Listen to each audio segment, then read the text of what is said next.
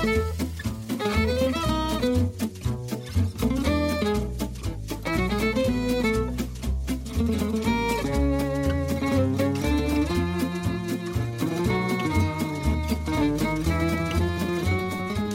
tilbake til sykkelpodkasten Musett av og for procycling.no. Eh, Podkasten som gjør seg best på halvannen eh, avspillingshastighet. Eh, og med meg til å lede oss gjennom denne podkasten i passelig tempo har jeg Simon Nesler. Velkommen, Simon. Takk, takk. Eh, bare oss to i dag, siden eh, Theis eh, er opptatt. Jeg vet ikke hva, men eh, han er opptatt, så jeg har jo jeg har hatt eh, et par solopodkaster med Theis. Nå får han prøve en med deg òg, Knut. Ja. Det går sikkert fint. Jeg har skjønt da, sånn at det her er det segmentet der vi skal putte inn noe syrligheter om den som ikke er til stede. Ja, absolutt. Så Theis uh, han, han har sikkert prioritert Chelsea-Malmö og sånt, vet du. Det er helt Ja, håpløst. Ja, Og så, så er det jo ingen tvil om hvem som får uh, ukens Lanterne Rouge denne, denne uka. Ja, det er Theis Magelsen. Uh, Det skjer veldig masse på sykkelfronten for tida. Sesongen er virkelig i gang. Uh, Men, men vi må vel nesten starte Ja, vi avslutter vel sist podden nesten må lova Kristoff seier. Simon eh, sa at eh, når Ferrari kjører, da blir det Kristoff seier. Eh, Theis gikk òg hardt ut og sa at den seieren kommer. Eh, og den traff vi vel ganske fint med umiddelbart. Ja, eh, jeg ble jo litt bekymra når startlista kom, for på den foreløpige startlista så sto jo Ferrari, eh, men han var jo ikke med. Han var ikke med, nei. Eh, nei, så da ble jeg jo litt bekymra, for Christopher har aldri vunnet ritt i UAE uten Ferrari. Men eh, han klarte det. Nå har han vunnet ritt uten Ferrari òg, så nå All, all forbannelse bryst. Nå Nei, det var en eh, Jeg tror det var veldig godt for Alex å få den seieren. Veldig, veldig bra seier òg. Han kjørte et eh, veldig bra ritt sånn generelt òg. En litt miss i spurten og så den velten på siste etappe, men et, alt i alt et veldig positivt ritt, må man vel si. Ja, og den spurten på første etappe, den var, den var solid.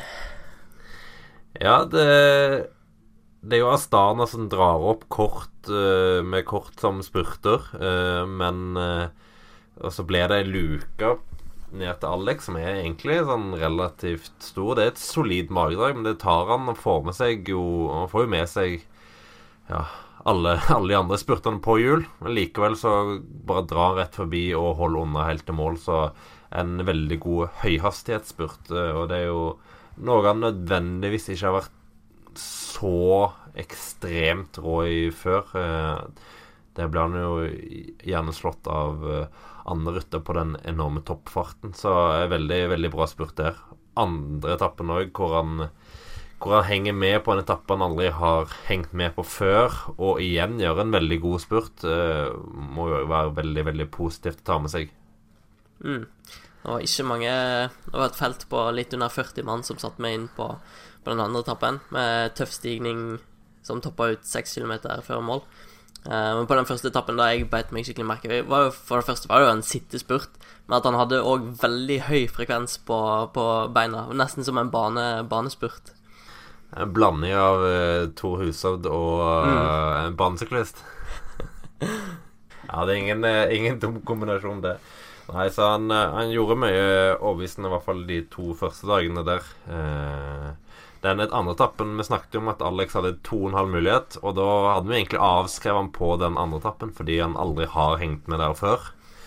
Så det vitner om at eh, den fysiske formen er ja, akkurat der du kan håpe at han skal være, om ikke mer. Så jeg tror han tar med seg veldig mye positivt fra, fra rittet.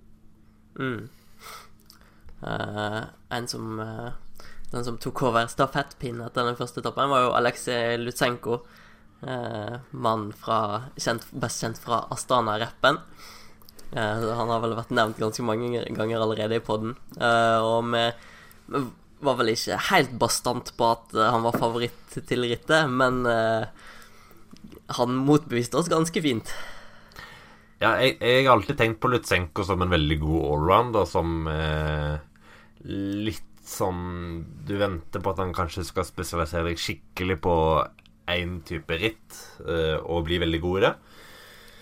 Men eh, ja han ser ut som han trives veldig godt med, med, det han gjør nå, i hvert fall.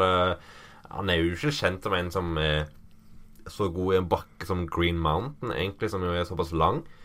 Men uh, han takla jo det rett og slett strålende. Så all, all honnør til han. Uh, og så er det òg fint at vi fikk denne på den andre etappen igjen kommer for Lutsenko Kristoff, som uh, da har vi Da har de to den, De to der har nå de tre siste uh, De tre siste gangene har skjedd at du har en som heter fornavn på Alex på første- og andreplass. Det er Lutsenko og Kristoff. Eh, to, ganger, to ganger Lutsenko først, og én gang Alex først. Så Og før det tror jeg du må tilbake i Ja, du må begynne Ja, du må tilbake til Liège-Forstand-Liège i 2010 med eh, Vinokorov og Kolobnev for å finne sist gang. Så en, eh, en sterk duo, det. Mm. Ja, jeg føler, føler Lutsenko er litt sånn Moscon light akkurat for øyeblikket. Ja, ingen, ingen dum sammenligning. Moscon heller er jo ikke så ekstremt rå i de der aller lengste bakkene, men i en, en bakke som Green Mountains tror jeg han òg hadde gjort det veldig bra, så jeg tror det absolutt er en veldig veldig lik, eh, god lik sammenligning. Eh, mange av, de, av den type ritter går jo òg bra i, i ritt sånn Altså endagsklassikere som Moscon Norge er veldig gode i, så det, det er den klassiske allrounderen som er god til å klatre, og som kan gjøre litt av alt. Så ja, veldig anvendelige, fine ryttertyper. Hva, hva, tenker du om resten av sesongen for Lusenko? da? Han sikter jo mot, uh, mot Adenna i år. Tror du han kan fortsette å ta steg? Han var jo god i Oman i fjor òg, så sleit han litt med velt og sånn etter hvert.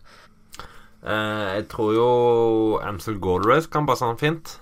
Uh, kanskje Liège-Bastogne-Liège òg med den nye finalen. Det, det, kan nok, begge de to kan nok være gode Kan nok være gode ritt. Uh, Flesh Vallon sliter med å si at han skal gjøre det særlig bra i, men eh, men uh, han kan nok absolutt uh, gjøre det bra. Selv om jeg personlig kanskje heller ville sett han mer i ritt som uh, Ja, fokusere på ritt som Stradibianke, San Remo De flamske klassikerne, og så tatt med seg Amstel til slutt. Men han vil jo da kombinere det med, et, med etapperitt på veien til Ardenne istedenfor, så ja.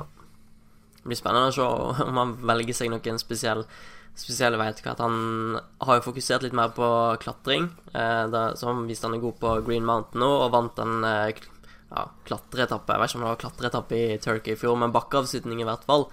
Um, det blir spennende å se om han plukker seg ut den veien etter hvert. Nå har det jo vært uh, brostein et par år, så blir det Ardennene nå, og så har de hatt mer fokus på klatring, så ja Ikke helt noe klar retning ennå. Nei. Eh og det, det, er jo litt sånn eh, det er, mange, det er, veldig mange rytter som havner i den kategorien, som går litt fram og tilbake. Og de, det er jo viktig at de, at de, prøver å feile litt og ser hva, hvor, de, det går, og hvor det ikke går. Eh, sånn så Tish Benot òg prøver seg mye fram og tilbake.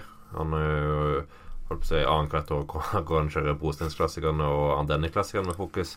Nå er han vel tilbake på, på brostein, litt mer fokus på det. Så det er, jo, det er jo litt sånn det er. Så de må finne sin vei. Lutsenko, hvor gammel er han? 27-28? Ja. Så han har jo fremdeles eh, ja, ganske mange år igjen i toppen, så jeg tror han bare blir mer og mer spennende navn å følge, følge med på videre. Jeg meldte vel at jeg så for meg minst én etappeseier til Van Avermat i forrige pod, og du var vel litt på Herada i sammendraget? Var ikke det? Ja, litt eh, nesten begge to der. ja, litt nesten. Ja, jeg syns jo Herada leverte greit, men han ble vel nummer tre til slutt. Mm. Uh, så det skal han få godkjent for. Uh, Greg Ja, hva kunne han egentlig gjort annerledes? Nei, Lutsenko var litt ustoppelig, så Ja. Det, han måtte i så fall blitt med Lutsenko på den andre etappen. Det er jo egentlig det han kunne gjort. For uh, å tape folk tape for Colbrelli i en motbakkespurt er en ganske fair sak, det. En annen fyr som har imponert meg veldig, er Ryan Gibbons. da ja. Han har uh, alltid tenkt litt på han som en uh, spurter som bare er litt for dårlig. Sånn klassisk uh, listefull nedre topp ti, men Klassisk Samuel Dumoulin. Ja, klassisk Samuel Dumoulin. Men nå syns jeg jo han Han er med overalt. Han klatrer bra. Han, Down Under også var han jo veldig bra med. Og her òg var han ganske bra med i, i fjellene, eller i bakkene. Så han begynner jeg å få mer og mer sansen for. Han mangler jo den rå stoppfarten, så han vinner jo ikke Han vinner jo ikke de, de rene massespurtene, men en litt sånn Colbrelli Light-type som uh, går enda bedre i bakkene, kanskje. Så Jeg nevnte han jo så vidt når vi diskuterte Dimension Datas uh, Amsel Gold Race-opplegg. Jeg syns han kan være en veldig spennende fyr inn der, og mikse han opp med, med Valgren, Gasparotto og Krøysiger som en slags spurter i, i bakhånd. For han eh, virker, til å, virker til å stå bakkene godt nok, i hvert fall. Mm. Spennende å se. Så, sånn som han kjører nå, så er han jo eh, en god, god eh, En god mann å ha i opptrekket i Dimension Data òg. Ja. Uh, endte vel siste etappen opp med at han ble nummer fem etter jeg vel egentlig har gjort et, opp, et slags opptrykk for Nisolo, så Mm. Nei, en veldig verdifull mann å ha. Eh, Så Dimension Data kommer veldig godt ut av det rittet med gode resultater for Gibbons og den etappeseieren til Tennis Solo til slutt. Så et godt ritt for de òg. Mm. Apropos så komme godt ut av, av rittet. Astana er jo inne i en helt sinnssyk flyt om dagen. Det er nesten helt latterlig. Ja, det, det er vel bare helt latterlig. Nå begynner jeg nesten da Jeg tror jeg har mista oversikt over hvor mye de har vunnet, for de har jo vunnet to ritt i dagen omtrent siste uka. Nei, de De har en flyt uten like. De, de starta sesongen veldig bra i, i fjor òg, så det er litt, litt det samme som der, men de rasker jo bare med seg alt på alle fronter. Men de har jo òg et lag som er veldig god i sånne halvkuperte ritt. Litt, litt tøffe, men ikke de aller, aller tøffeste. For de har jo ikke De har kanskje ikke de råeste folka. Men de har veldig mange av den type ja, Luis Leon Sanchez, Bilbao, Isagiri-brødrene, som er, bare er veldig solide og har eh, brukbart kick òg, som gjør at de kan eh, komme seg unna. Og da ja, de har vært veldig gode på å skape overtall i mange av de rittene, og da, da får du de resultatene gang etter gang. Mm. Vi snakket vel litt om den overgangspodden vår. Vi stilte oss litt eh, spørrende til, til laget der. Altså hva skulle Isagiri-brødrene tilføre? Og var, var litt sånn skeptisk til det. Men nå står Isagire-brødrene med Har de to eller tre seire? To? Én hver? Uh, Ja, én hver. Ja. Gorka vant eh, Provence, og, og Ion vant eh, Valenciana. ja. Ja, jeg er jo aldri så kritisk til disse girebildene. Det var vel egentlig Theis som kanskje avskrev de all, aller mest, men eh, Theis har ikke peiling. Nei, jeg har ikke peiling, vet du. Men eh, det, det jeg kritiserte de mest, var, var jo at de mista et helt klassikerlag. De mista jo Ja, Grivko, mista Valgren. Eh, Gatto, Gatto. Måser. Ja, og så, så satser jo ikke engang Lutenko på halvparten av klassikerne. Så de, de er jo omtrent helt radert der. Men i, i fjellene har de jo De mista jo et par ryttere der òg, men de har jo ja, De har henta inn ryttere som er enda bedre i den rollen Astana er ute etter, så Isagiri-brødrene fikk jo litt eh, holdt på å si, kritikk fra Bayern Merida for at de var ute etter veldig mye penger, men eh, de er veldig verdifulle ryttere fordi de fyller en rolle så bra i et, eh, i et lag ved å være bare gjennomgående solide. Mm. Når vi først er inne på lag som har hatt en god sesongstart eh, Quickstep har jo hatt en god sesongstart, men UAE står med eh, seks seire med fem forskjellige ryttere.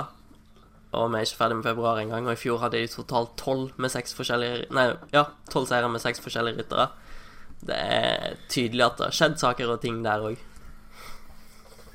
Ja, i fjor hadde de vel eh, Ja, hva hadde de? Kanskje seks seire. Det tok de vel rundt uh, Hva kan det ha vært?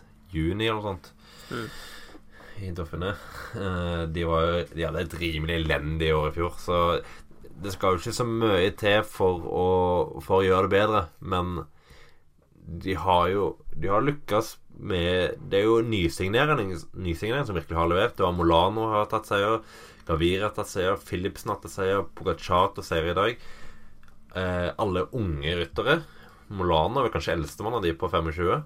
Gavir er vel 3-24, noe sånt. Ja, Gavir er 24. Ja, så de har truffet veldig blink på de nysigneringene de har gjort. Eh, nå er det selvfølgelig tidlig i sesongen. Du eh, vet aldri hvor bra er egentlig dette her når du kommer til Kommer til de skikkelig, skikkelig World Tour-ritter utover i sesongen, men de har eh, levert De må jo Ja, de har levert over forventning for, uh, for alle, tror jeg, hvis vi tenker i hvert fall på Molano, Philipsen og Pogacar. Så det tror jeg er veldig bra for UAE, for de hadde et elendig år i fjor. Virkelig elendig år i fjor. Ja, de har gjort en del forandringer på, på trenersida og sånt. Eh, Aru var jo ikke fungerende i det hele tatt i fjor, blant annet. Og de har jo generelt skrudd til noen knapp. Nå er det siste de har gjort, å hente inn Jerome Swart, som eh, fra Sør-Afrika. Eh, fysiolog eller et eller annet sånt. Har annet vært med på en del testing av Chris Froome og sånt. Eh, og sånn jeg forstår det, så har de gjort veldig masse endringer, da. Til og med sendt Kristoff på rekognosering av Robé. Ja, de hadde jo De hadde jo òg Philipsen og Rue Oliveira på, på rekognoseringstur her forleden, så Mm. det virker som de tar eh, ting mer alvorlig. Eh, det Sånn som jeg har forstått hvordan det UAE-laget var i fjor, og hørt litt med, med de norske der, så det var litt barnesykdommer. Eh, det var mye som ikke var Mye som ikke var sånn som det burde være. Eh, så de har nok fått veldig mye mer på plass nå, og det, det trenger de.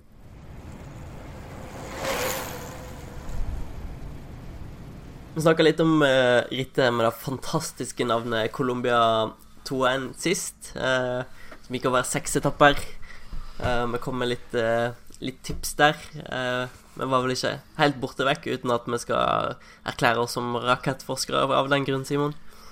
Nei, vi bomma jo tross alt på seierherren, så eh, da skal vi vel ikke erklære oss for ra- rakettforskere. Vi endte vel opp med andre, tredje og fjerdeplass på, på tipsene våre, så ja, det må vel sies å være ok, uten å Ja, det var vel ikke så veldig mye mye mer enn seks-syv vinnerkandidater i selve rittet, tenker jeg. Nei. Eh, jeg sa vel òg at eh, det blir vel fort eh, som i fjor, med noen colombianere, altså så Ala Filip på 20.-plass, og det var akkurat sånn, sånn det endte. Ja, nei, det ble jo som forventa en colombiansk stjernekamp mellom ja, Lopez, Bernal, Quintana, Uran, eh, Martinez og, og Sosa. Eh, Miguel Angel Lopez vant ingen av etappene, men han vant likevel eh, sammenlagt. Eh, det er jo det Astana-ryttere gjør nå om dagen, det, da. Så sånn, eh, sånn er jo livet for de. Vi skal ikke omtale Lopez like konsekvent som de colombianske kommentatorene, men bare si Supermann Lopez. Han er jo en supermann, da. Eller, eller Nairoman. Nairoman! Nei, det er viktig at eh, colombianerne har sine Holdt på å si lokale uttrykk for sine helter. Starta jo med seier til EF. Uran tok ledertrøya, og så var det Hodge på, på andre etappe, colombiansk. Eh, colombiansk på tredje etappe med Molano. Eh, og så var det de europeiske innslagene, da. Eh, anført av Quickstep med etappeseier til Jungels og Ala Filip. Og så kulminerte det på den siste etappen med colombiansk klatreduell i et vanvittig folkehav.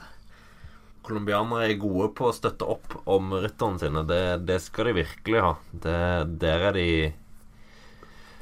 Jeg sier at det er mye nordmenn som drar ned og ser Tour de France og sånt, men eh, colombianere er kanskje på et annet nivå, vil jeg påstå. De er på et annet nivå, i hvert, fall i lyd, tror jeg. Der, Ja. der er de ganske rå. Selv om den har jo vist i VM i Bergen at vi nordmenn òg kan eh, Vi kan ha en folkefest, men jeg tror colombianske folkefester er større enn norske folkefester, eller bergenske folkefester, som det tross alt var. Er sånn, Videre i sesongen så er det vel ikke så masse vi kan konkludere med fra rittet. Det er jo litt sånn kolum colombiansk eh, show-off. Ja, det er, jo, det er selvfølgelig det det handler om. Og det handler jo om å få alle stjernene hjem og, og la de sykle ritt. Det, det er jo ikke det viktigste rittet de sykler i år, eh, på ingen måte. Så det Altså, hvis du skulle gjort det til virkelig prestisjefullt ritt, så hadde du jo fyrt på tre-fire fjelletapper, ikke én fjelletapp og et par sånn halvharde saker og spurtetapper.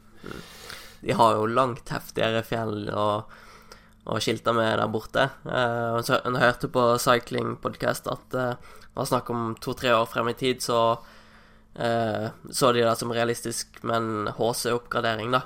Uh, og så er det vel litt sånn spekulasjon om at vi kan få kanskje et to ukers ritt der borte etter hvert. både oppgradering og utvidelse virker jo naturlig. Eh, Det er jo Altså, UCI har tross alt et eh, stort mål om eh, Om det å globalisere sporten, og da er Colombia et veldig viktig marked. Og sikkert også en veldig viktig inngangsport for hele Sør-Amerika generelt. Så UCI er nok veldig interessert i å i å få opp et stort colombiansk ritt. Så det, det kan fort bli et worldtour-ritt òg, det er fort hvis det hvis, hvis det skal være et uh, mål, så tror jeg det, det kan gå ganske kjapt òg. Så jeg regner med at det rittet kommer til å, til å vokse videre. De har vel et eh, Har ikke de et tidagersritt eller noe sånt der? Der alle blir tatt for eh, EPO-bruk? Du har jo du har velta Volta Colombia, hvor Oscar Sevilla vinner hvert år omtrent. Eh, og José Juan og sånt. Men ja, det, det har de, men det, det ble vel Det tror jeg ble satt ned til eh, Ja, det er nasjonalt det- Det er nasjonalt ritt. Ja. Det var, det var to-to-ritt en stund, men så ble det nasjonalt ritt her i fjor eller forfjor. Men der har de heftige etapper. Der, Ja, det har de heftige etapper. Men det, det har jo selvfølgelig òg med, med hvor de ligger i sesongplanen nå. eh, så kan du ikke ha for heftige ting. Du ser allerede nå Chris Froome som eh, må stå over UAE Tour, sesongens viktigste ritt, fordi han uh, rett og slett uh, Ja, effekten av det å kjøre ritt i høyden ble ble større enn han hadde trodd. Så da, det er nok noe av det òg som gjør at de er litt forsiktige med å ha de aller råeste etappene på et ritt som kjøres tross alt midt i februar. Og så, ja, hvis du, hvis du hadde sendt rytterne opp i, la oss si, 3500 meters høyde, og tømt de oppe der, og så skal de sendes tilbake til Europa, og ja, du kan fort spolere et par uker av, eh, av sesongoppkjøringa der. Ja, du måtte nok gjort det i september-oktober hvis det skulle vært eh, aktuelt å ha et så tøft ritt. Vuelta Colombia er vel litt mer på den tida året, så det er jo kanskje det de må ha hvis de skal være noe annet enn et spurtvennlig oppkjøringsritt. Du, har, du vet hva som er verdens lengste sykkelklatring? Eller sykkel... Eller bakkeklatring. Den ligger i Colombia. Eh. Vet du hvor lang den er? Hva den heter? Nei. Pass. Al- Alto de Letras. Eh, 79,9 km lang med 4% stigning. Ta deg opp til 3700 meter over havet. Fra uh, skal vi se Hørtes seigt ut, i hvert fall. Det er ganske brutalt. Men jeg, jeg tror du er ganske lavt når du starter, ja. Ja, det vil jeg tro. Ja, fem, 500 meter. Og så går den slakt i 80 km.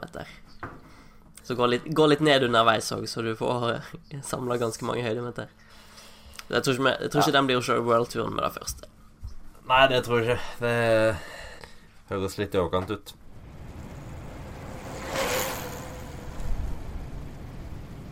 Vi kan se litt på eh, ritt som er i gang for øyeblikket.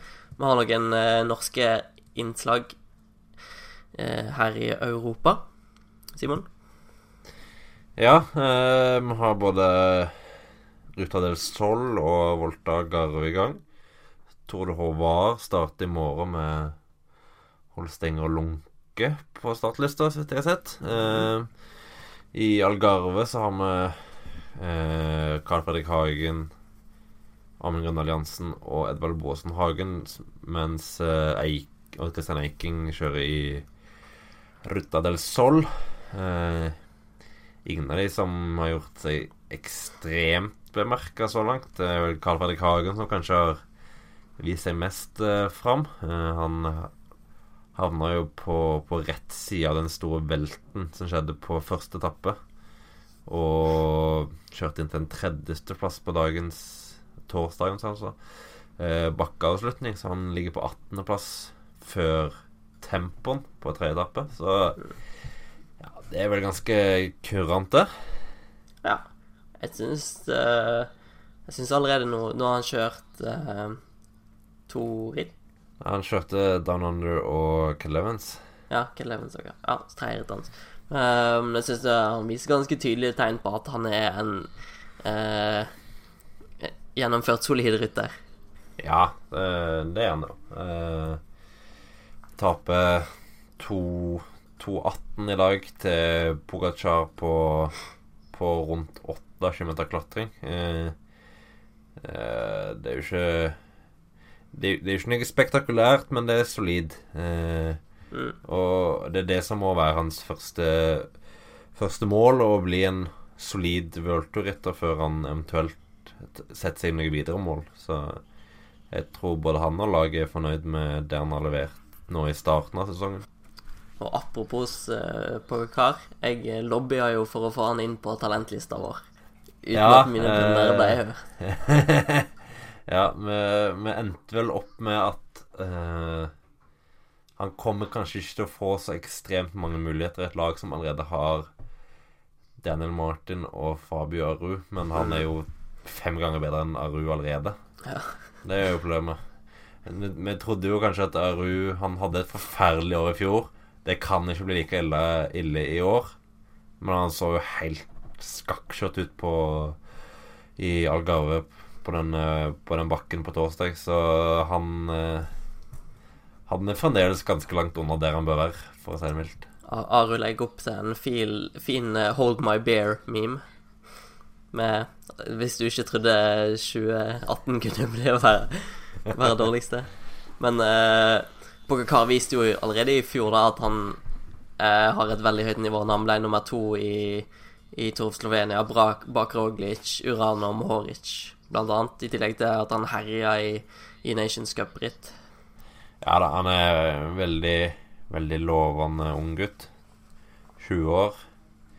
Eh, og jeg tror nok UAE ser en veldig stor framtid eh, for han. De har jo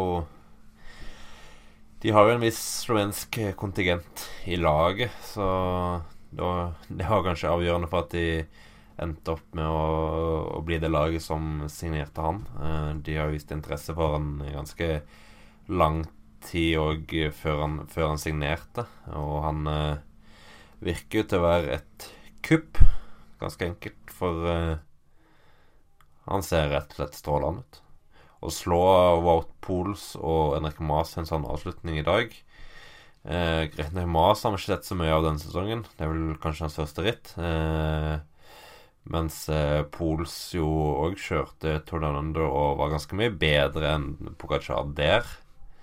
Eh, så når han eh, nå egentlig slår Pols ganske greit, så Ja, da er du ganske god. Ja. Ganske enkelt. Enkelt og greit. Kanskje han som skal ta opp eh, Grand Tour-arven etter Janes Brajkovic. Ja, Janis Brajkovic og Tadej Valjavic, hvis du Mm. husker han.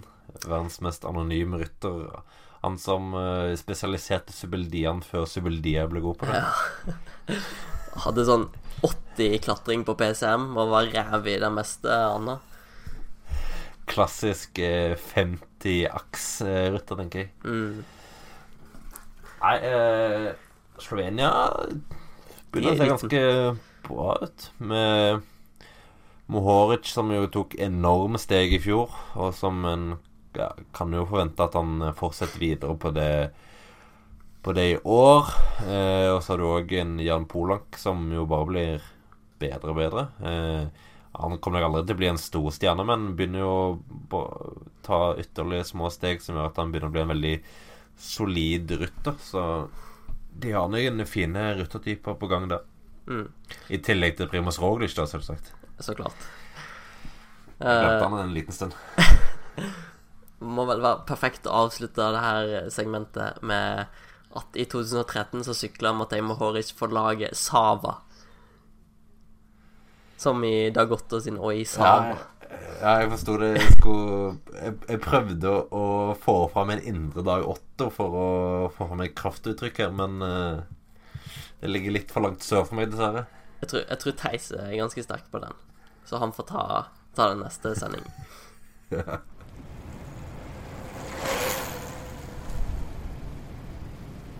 Det er jubel hos våre eh, skandinaviske venner i sør, for i 2021 så kommer Tour de France til København og Danmarks gater, Simon.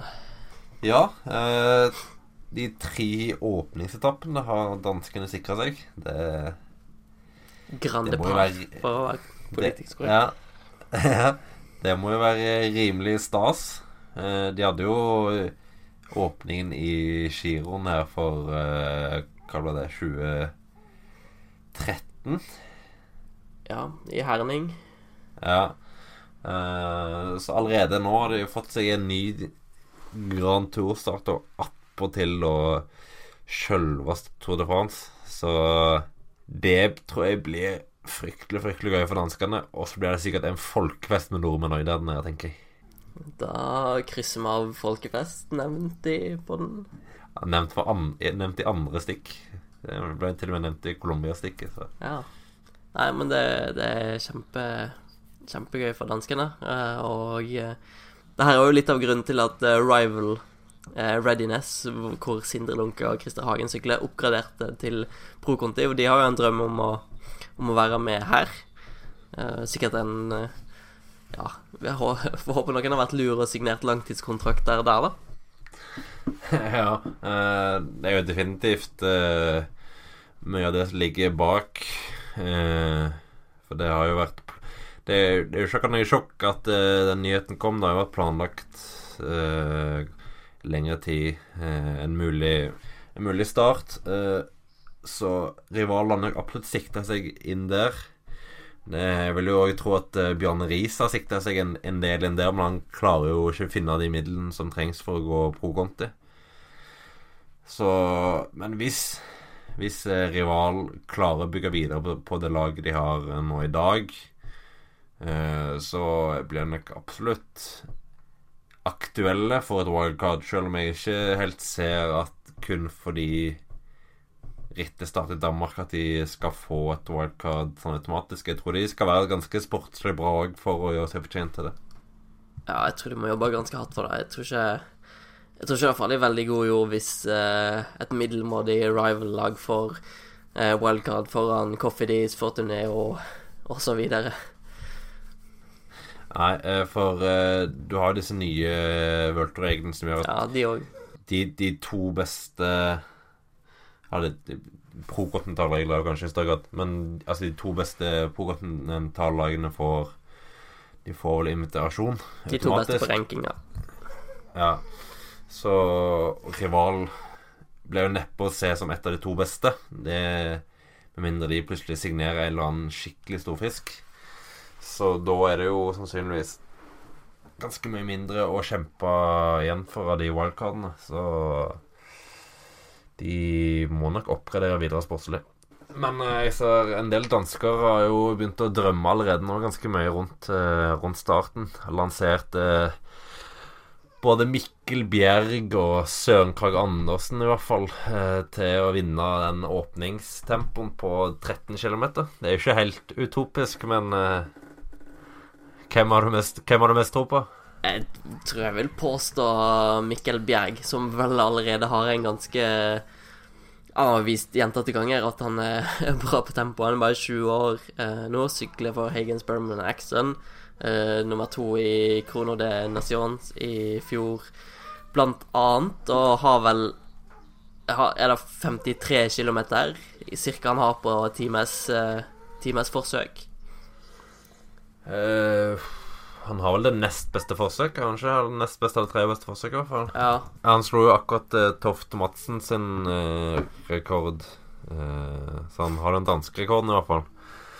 Ja, først hadde Toft han, men så ble, så ble han Men så ble testet han positiv for en forurensa kosttilskudd, så han mista rekorden. Han ble ikke utestengt, men han mista rekorden, og så uh, tok vel Bjerg den. Eh, og så satt vel Tofs Madsen ny rekord på en sånn eh, bane borti Mexico, oppe i høyden. Eh, før Bjerg igjen tok rekorden på lavland i Odense eller Esbjerg eller ja, et eller annet sted i Danmark.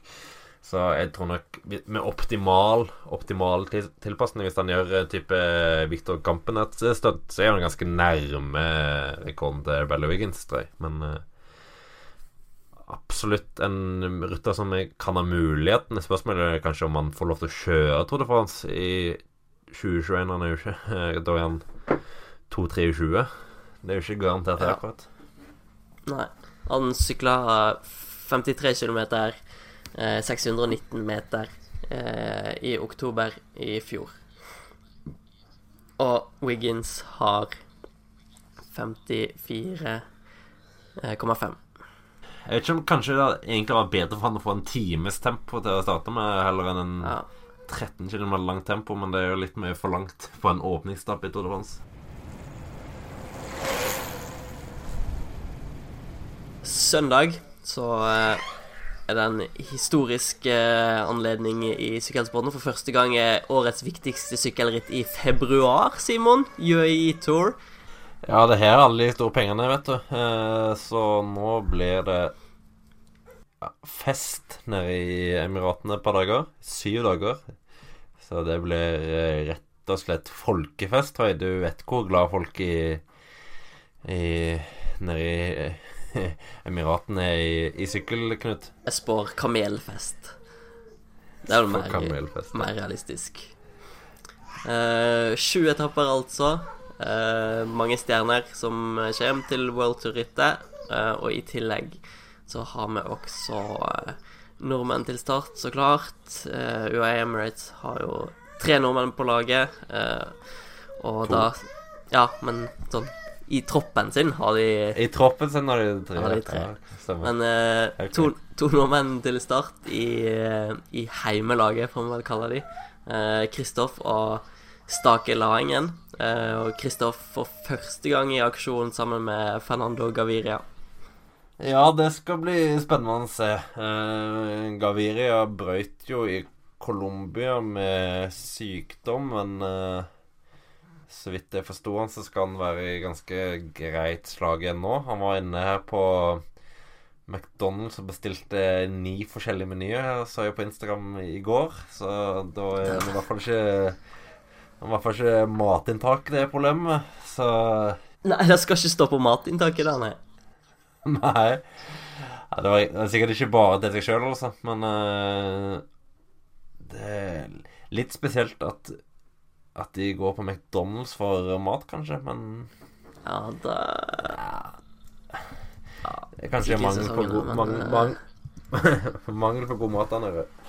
Nei da. Men uh, det skal bli Det skal bli spennende å følge den duoen der. Hvordan de klarer seg. Det, det er jo det vi har venta ganske spent på siden Siden overgangen ble gjort kjent. Eh, både Kristoff og Gaviria har vist relativt grei form i innledning. Begge har eh, tatt sine første seire, så da må vi kunne anta at de stiller i bra slag, og eh, hvis de gjør det, så forventer jeg jo at de leverer ganske bra, for den duoen, duoen der i et rent opptrekk er jo, er jo veldig bra, selv om det før Kristoff eventuelt er ganske dårlig. Det er det som er problemet deres her. Det er det ganske ymse. Ja. For du har jo Stake Laringen som er, er god, og Troya som er god, men de er først og fremst gode til å holde folk foran 10 km fra mål, ikke gjøre en jobb 1 km fra mål. Så har du Ulissi, som jo for så vidt er en helt ok rytter, men først og fremst god oppover. Eh, og så Dan Martin Rui Costa, som jo er i, i samme kategori. Så eh, De blir nok litt alene de siste to kilometerne, så eh, blir det jo litt å klare å finne de, finne de rette ryggene. Det er jo både Kristoff og Gavira greie på da, så det går nok greit. Men eh, de lider nok litt av at de, de topper jo laget jo, men de topper jo laget på, på den måten at de sender, sender sine beste klatrere og sine beste spurtere. Uten kanskje en så fryktelig stor plan bak det. Mm. Men eh, altså, Kristoff er jo flink til å posisjonere seg alene. Så hvis Gaviria klarer å holde hjulet hans, så er det bare til Kristoffer å gå for en klassisk tidlig spurt, og så voila. Ja da, det, det ble jo sikkert det som ble, ble løsningen. Eh, siden ja, Fra og med Tour of Britain i 2017 så har jo Alex egentlig ja, utvikla seg til en rytter som i, i større og større grad eh, opererer alene i, i selve spurtene. I hvert fall de siste ja, 500-600 meterne. Så han er godt vant til det nå, eh, og har, har, blitt veldig god på det. Så, så absolutt, de, de kommer til å klare seg fint. Så, men de, de møter tøff konkurranse, da. Ja, det gjør de. Uh, Elia Viviani, Caleb Ewan, Marcel Kittel, Sasha Modolo, uh, Mark Sarot, Kristoffer Halvorsen. Det er litt å, å kjempe mot her. Og, uh, og Samuel de Mollet, ikke minst. ja, det er veldig mye. Det er ganske mye. Og Sam Bennett, sa du han? Ja. Ja, Phil Bauhaus altså. så ja, det Det er ganske mye bra som kom, og ganske mange av de lagene har jo òg et mer reindyrka opptrekk. Altså Viviani kommer jo med både Mørkov og eh, Sabatini. Eh, Kittel kom med Haller og Sabel. Uten at det er sånn med... ekstremt fryktinngytende at de lever. Nei, det kan du si. Jun kom med Blitt og på Kluge, som jo er hans uh, menn, så Og Bennett har òg et rett opptrekk, så UAE stiller kanskje med det dårligste opptrekket av de sånn De er kanskje den, en av de beste opptrekkerne, men de mangler tog. Eh, så det blir spennende å se hvordan, hvordan den dynamikken der kommer til å fungere. Men eh, Når det er så mange andre tog, så må du ikke ha et tog sjøl. Og Gavira klarte seg jo fint alene med Richese ved flere anledninger i Tour de France i fjor, blant annet. Da de to bare surfa ja. rundt. Ja da. Men eh, nå handler det selvfølgelig Nå kommer det jo to ryttere som knapt nok har kjørt hverandre med litt på treningsleir, så de skal jo klare å finne et samspill ganske kjapt òg. Mm. Så det gjelder jo at det klarer å sitte ganske med en gang, da. Hvis, ja. det, hvis, hvis, det, skal gå. Uansett, så Ja. Hvis det er krise, så kan du jo bare surfe etter hjul sjøl, og så ser du hva du finner. Ja. Uh, fordi etappeseier, da må de nesten ha her. Det er jo, UAE har jo sagt at det det er likestilt med Tour de France i viktighet.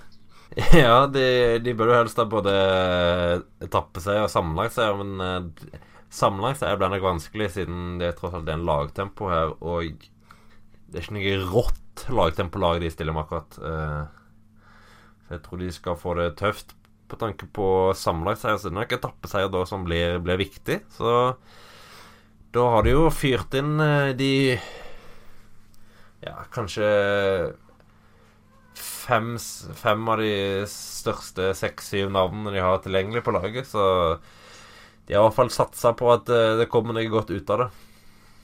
Første etappe er lagtempo, som du nevnte. Så andre etappe er paddeflat. Tredje etappe er tøff bakkeavslutning. Eh, godt over ti kilometer den klatringa, vel. Både den og den sjette etappen er ganske, ganske solide avslutninger. Mm. Og så den fjerde etappen til Hattadam er vel òg litt for tøff, men han hang vel greit med der i fjor. Ja, men det er jo en Colbrelli-type avslutning. Ja. Lobato herjer vel i den, den bakken et Uh. Eh, så ja, det er vel sannsynligvis tøft på for både Kristoffer og Gaviria mer enn Og sannsynligvis for lett for Martin, så det er en av en mellomting for UH i hvert fall. Men Ja. uh, en veldig fin avslutning. Jeg liker, jeg liker den. Mm. Det var vel der Hvem var det som leda med et halvminutt inn der i fjor, og som ble spist opp så det sang etter? Ja, det var, Eller da, Van, Van Hooydonk, eller nei, var ikke det Nei, McNulty var det kanskje? Ja, Brandon McNulty. Ja. Ja. Stemmer. Uh, femte etappe. Der uh, En liten knekk er litt før mål der, men uh, den skal vel være overkommelig. Ja, den er nok overkommelig. Både Kristoffer og Gavire er jo relativt ok i kupert terreng, så Mm.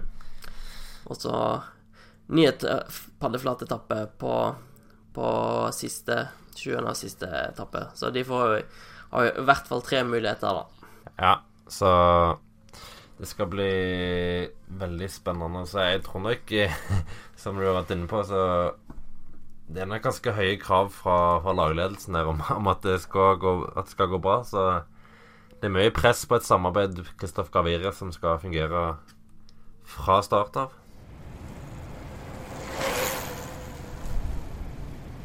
Som jeg hinta litt til i sted, så er det jo investert ganske store penger i å, å få diverse stjerneryttere til, eh, til rittet.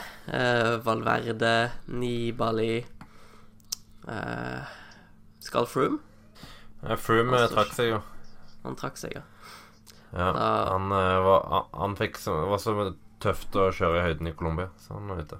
Da gikk det en uh, pengeoverføring på noen mil tilbake til uh, UAE de siste, i løpet av de siste dagene, da. ja, jeg gjorde, vel kanskje det. Eh, jeg skal ikke si at jeg er helt sikker på hvordan de der startpengeordningene virker, om du kun får pengene om du stiller opp, eller hvordan det er. Men uh, han hadde nok eh, blitt lova litt gull og grønne skoger for å møte opp, i hvert fall. Apropos uh, startpenger. Bare en helt annen podkast her. Uh, har du hørt på, på, på Rekommandert med Kristoffer Schou?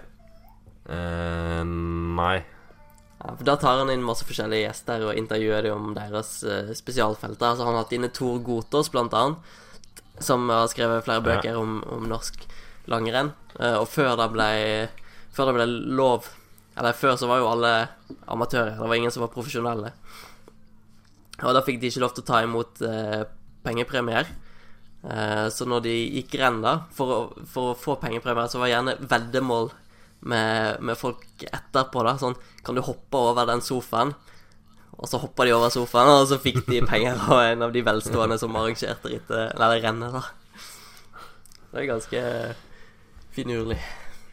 Ja, eh, idrettsverden har utvikla seg litt på Ja, de siste hundre åra også, så Ja. jeg, tror det, jeg tror ikke det er sånn i dag, nei. Nei. Um, ja. Valverde, Roglic, Dumoulin, Port, uh, Dan Martin, Zakarin, Kelderman, uh, Bauke Mollema, så klart. Pod Podkastfavoritten Bauke Mollema. Ja. Er generelt veldig stjernespekka startfelt, da. ja eh, jeg er jo veldig spent over Nibali, hvis du glemte å si han. Det er mulig. Uh, ja. Uh, jeg er jo spent på å se Remco Evenepool i det selskapet. Han sa at uh, Argentina på en måte skulle være en slags gjennomkjøring. Og UAE E2 skulle være det første rittet han sikta litt på, da. Akkurat. Så Altså, han kommer jo åpenbart ikke til å vinne rittet, men det skal bli veldig spennende å se hvor langt bak han faktisk er i de stigningene. For de stigningene er jo ganske er jo ganske kurante. Eh, tøffere enn det de møtte i Argentina, egentlig. Og nå møtte han et felt som er òg desto bedre, så det, det blir veldig spennende å se hvor, hvor nærme Den store vidunderguttene. Mm. Og så ja, Nå er det fortsatt tidlig i sesongen, da, og hvis det er litt sånn at folk er her pga. pengene, så er det nødvendigvis ikke så tilspissa. Men eh, det kan jo bli litt kniving eh, når det er såpass mange gode ryttere og mange, mange gode lag. Og World Tour-poeng er jo veldig, veldig viktig nå, spesielt med tanke på det nye systemet som blir eh, iverksatt etter hvert. Ja, det, det er selvfølgelig prestisje, når du får så mange av verdens beste sammenlagtryttere samla på Samla til ett og samme ritt. Så da blir det jo Det blir prestisje. Så selv om noen er råe på at de bare tar det som uh, gjennomkjøring, og klarer å ta det som bare som gjennomkjøring, så er det jo noen som kommer til å vekke oss litt, uh, litt i livet. Mm. Og vi snakka jo litt om det, vi har snakka om Evenepool ved flere anledninger. Eh, litt her med feltkjøringa hans, og ja, hvor mange ganger var det han velta i Bergen? Tre? Evenepool, tre, ja. Stemmer. Ja.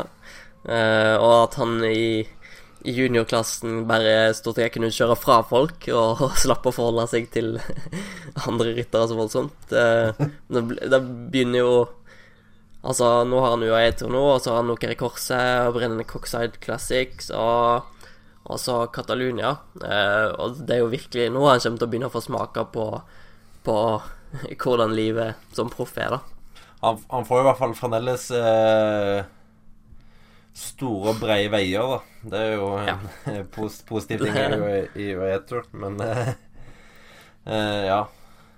Det, alle er jo veldig spente på å se Å se den gutten for han var så ellevill i juniorklassen i fjor. Eh, bare Alt tyder jo på at kapasiteten hans er rett og slett på et verdensklassenivå egentlig allerede, men han er jo fremdeles i utvikling ja, Han er vel omtrent i utvikling rent fysisk òg. Han er jo såpass ung. Så ja, skal, Vi skal gi han tid. Vi skal nøye med å gi han tid, men uh, den gutten kommer jo til å bli fryktelig god hvis han fortsetter som han gjør. Mm. Så en spennende ting er jo Altså, han er, han er 19 år nå og har en så sterk profil i, i media. Alle vet hvem han er. Det snakkes om han hele tida. Og en ting er å komme inn som en liten eh, drittunge eh, som ingen vet hvem er, og så skal du komme og, og ta plass i front av feltet. Eh, og da gir gjerne de eh, mest erfarne rytterne beskjed om at du skal kjenne din plass, eller du skal flytte deg når du blir gitt beskjed. Men nå, han, han har et voldsomt stempel på seg, da. Så blir det spennende å se Uh, det er jo nødvendigvis ikke at vi forsvarer, men den behandlinga han får, kan jo potensielt bli ganske, ganske røff. Det er ikke sikkert alle som syns det, det, er like kult at han er så talentfull. Jeg tror det er mange som ikke syns det er veldig kult å bli slått av en uh, liten jypling, da. Så uh, det er klart, han må jo fortjene gjøre seg fortjent til respekt i feltet. han får nok litt holdt på å si gratis i den, all den tida han sykler for et lag som vinner så mye som de gjør. Mm. Uh, men uh, det var vanskeligere å slått seg opp fra Gazprom Rusvelo eller Sport Flandern eller ja, et, et sånn type lag. Når du kommer i, i Duggan Quickstep, så har du litt gratis, men uh, jeg tror ikke han får Jeg tror ikke han får veldig lett uh, Går veldig lett ved dørene.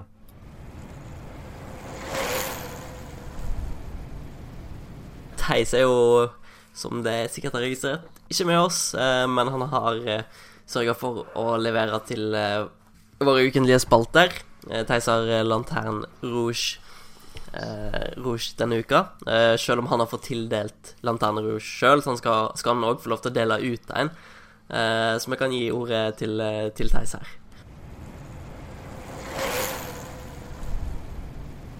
Ja, da var det min oppgave denne uken å dele ut en Lanterne Rouge til en rytter som fortjener litt kritikk av, av ulike årsaker. Og, og, ukens Lanterne Rouge den vil nok kanskje sjokkere og kanskje provosere uh, hos enkelte. For, uh, for, mannen har egentlig hatt en ganske strålende sesong så langt, spesielt uh, den siste uken. Han har herjet rundt i Oman. Det er ikke noen annen måte å si det på. Eh, Det er bare to mann faktisk som har klart å, å vinne tre etapper i én utgave av Tour of Oman før Aleksej Lutsenko klarte det, og det er Alexander Kristoff og André Greipel. Begge er jo da spurtere, så eh, ukens Lantin Rouge er rett og slett den første ikke-spurter som klarer den bragden. Og attpåtil så vinner han rittet med en ganske så god eh, margin. Eh, Så da lurer kanskje mange på hvorfor i alle dager skal en rytter som har gjort eh, så mye bra, og ikke tilsynelatende gjort noe galt, eh, få kritikk og, og bli tildelt den tvilsomme æren med å bli ukens Lantein Rouge. Jo, nå skal du høre. For Astana de har hatt en fantastisk uke. De har hatt ni seire på syv dager. Men jeg syns det blekner litt. Det, det hjelper lite når uh, Aleksej Lutsenko dolker Lars de Frese i, i ryggen på den måten han gjør. Eh, For i den fantastiske First Ever Pro Cycling Rap, som jeg lurer på om faktisk er den eh, offisielle låten, eh, låttittelen på Astana Pro Team sin nye rap, så kommer da belgieren med følgende garanti. And Lutsenko on the couple champagne bottle. And Lutsenko on the cobbles, champagne bottles. Vel, det blir lite champagne på brosteinen for Astana i år. For Lutsenko han skal ikke sykle på brostein, han skal sykle om et newsblad og kun i Brussel-kurene, og det er det! Det er alt han skal smake på av brostein i, i vår. Så vi får rett og slett ikke det vi blir eh, lovet. Det er ardennerittene som eh, Lutsenko skal fokusere på. Og allerede så ligger da rappkarrieren til Lawrence de Fresig i, i, eh, ruiner, fordi han, han blir dolket i ryggen av sin lagkamerat her. Selv en så talentfull rapper som Lawrence de Frese kommer til å slite med å få et eller annet til å rime på Lutsenko in the Ardennes. Så uh, lykke til, Lawrence. Eh, så Lutsenko han må bare komme seg til, eh, til Flandern, rett og slett. Sykle de skikkelige, morsomme klassikerne, og ikke drive og sos rundt i Ardennerne. Det er ikke der du hører hjemme. Så hvis du gjør det, da skal jeg trekke tilbake denne Lanterne Rouge-utdelelsen. Men enn så lenge så er det du som er ukens Lanterne Rouge. Ja, Theis eh, har et, eh, et godt poeng her. Det, det er lite som rimer på Ardens. Lutsenko in Dardens Hva, hva skal egentlig følge, følge etter der? Så han har nok uh, utvilsomt uh, Jeg vet ikke om jeg skal si Har har han forrådt uh, De Frese, eller har han bare ført han bak lyset, eller eh, har De Frese bare gått ut fra noe som han ikke hadde forutsetning for å vite? Det, det, er, det er nok litt sammensatt. Det er åpenbart en stor konspirasjon Ja, det er et eller annet sted er det misinformasjon, så ja, det er fortjent at Lutsenko får det for dette sviket mot eh, Lawrence de Fresse. Ja, altså, hvis vi, hvis vi skal snakke litt på, på rim, så burde jo Alexei og Ardens er jo litt nærmere hverandre, da, i hvert fall hvis vi skal gi eh, Lawrence de Vrez et lite håp. Alexi og Ardens, er du? Ja, det er nærmere enn Lutsenko og Ardens, i hvert fall. Ah, ja, ja. Et syltynt håp. Det er syltynt, da. Men uh, det er for, det er for så vidt en del syltynn rim i den sangen. Altså. Ja, det er sånn. Men uh, ja, det ja. Her skal vi, skal vi prøve å hjelpe Lawrence litt. da. Altså det noen klatt stigninger? Cote San Nicolas det, er- det er lite å gripe her. Alt er jo kort og redott og Rosier og Rocher Faucon og Eh, nei, jeg, jeg, jeg Siden Theis jo tross alt hadde spilt det her inn, så tok jeg en tyvtitt eh, før, før meg og deg eh, eh, spilte inn selve podkasten. Men jeg har tenkt på det en stund, og jeg kom ikke på noe godt rim, altså. Nei. Det er, det er rett og slett et eh, gigantisk svik. Så det er jo det, Vi må jo selvfølgelig se på muligheten for at De Frese faktisk har visst at Lusenko ikke skulle kjøre Brosteinsklassikerne, men han så det her som en mulighet til å få Lutsenko inn i sangen. Og som, et, eh, som den kanskje viktigste kasakhstanske rytteren så var det viktig for laget sitt image og sånt. Men det er òg igjen en konspirasjonsteori, da. Ja, det er mulig. Altså, Astana er jo har jo en historikk som tilsier at de er ganske kyniske, så vi skal jo ikke eh, sparke bein under den teorien.